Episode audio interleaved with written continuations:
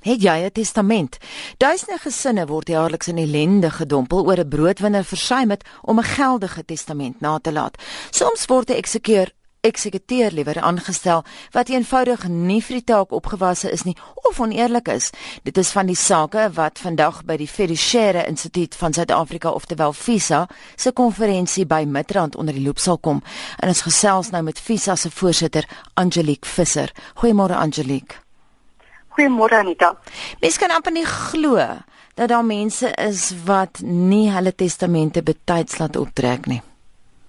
Weet jy dit is nogal skokwekkend. Ons kry jaarliks die inligting by die meeste van die Hooggeregshof en volgens die meeste inligting was daar laas jaar net so oor die 168000 boedels geregistreer by die verskillende meesterskantore landwyd.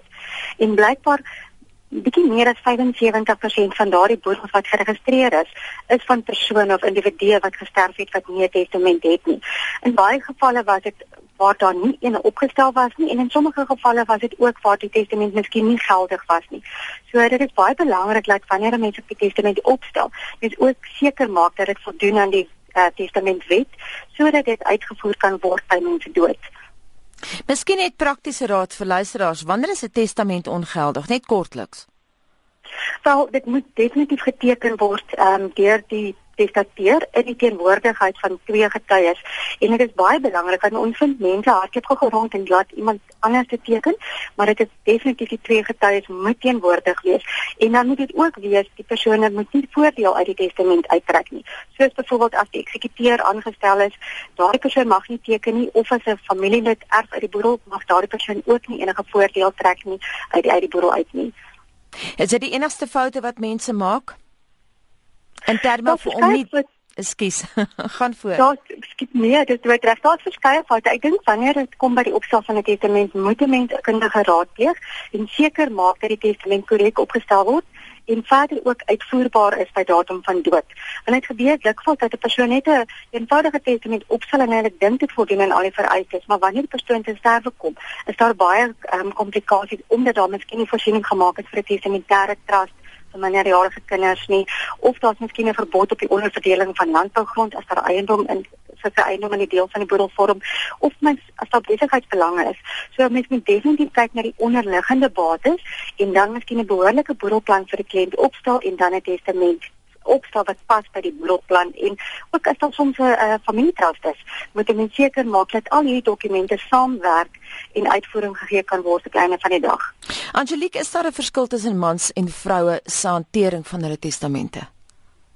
Nou, ons sien nogal en veral as mense kyk, baie keer laat die vrouens dit oor na hulle mans en hulle dink dit hulle gaan omsien na die finansiële sake en hulle plan nie regtig veel daaroor nie, maar wanneer die man te sterwe kom, dan is daar soms nie genoeg kontant in die boedel nie en dan sit ons met situasies waar daar die een gade nie genoeg inkomste het om voorsiening te maak vir byvoorbeeld die verband om dit oor te neem nie en dit beteken soms dat die eksekuteur die bates moet te gelde maak om voorsiening te maak vir die kontante kos. So dit is regtig belangrik dat beide partye seker maak wat die stand van sake is sover hulle boedelplan betref en ook die opstel van 'n testament sodat daar nie 'n skok element is vir een van die partye wanneer die ander een te sterwe kom nie. Net vinnig en op praktiese vlak, wat gebeur as iemand in te staat sterf? Ehm um, wat baie gebeur is dat daar spesifieke persone wat gaan erf uit die boedel uit. Nou dit mag nie noodwendig die persone wees wat jy so gekies het in terme van jou testament nie. Ehm um, byvoorbeeld in die geval van 'n man en vrou wat getroud is en daar's kinders, sal dit wees die eerste 125000 sal gaan na die gade en as dit meer is dit word dit verdeel tussen die kinders en dan ook die gade. Maar dan sit ons verder weer ook met komplikasies van die minderjarige kinders maar byvoorbeeld nie enige erfenis ontvang totdat hulle die ouderdom van 18 jaar bereik nie. So dit beteken dat daardie gedeelte in die voogdyfonds in gestort moet word. So dit maak dit soms 'n bietjie moeilik as die gade wat oorbly dan met die kinders moet deel en sekere van die bates is in die, in die voogdyfonds. So weer eens moet 'n mens maar seker maak dat dit wel mense wense is om sonder testament te sterf of net kry ook soms met saamwoonverhoudinge, dis nie noodwendig dat daardie persoon gaan gaan erf nie.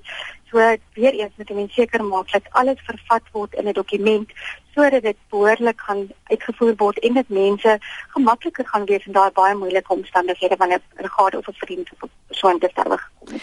En as jy ongetroud is sonder kinders, bly 'n testament noodsaaklik altyd definitief. Ehm um, wanneer 'n mens dan kan 'n mens natuurlik besluit vir wie 'n mens graag die bates wil nalat.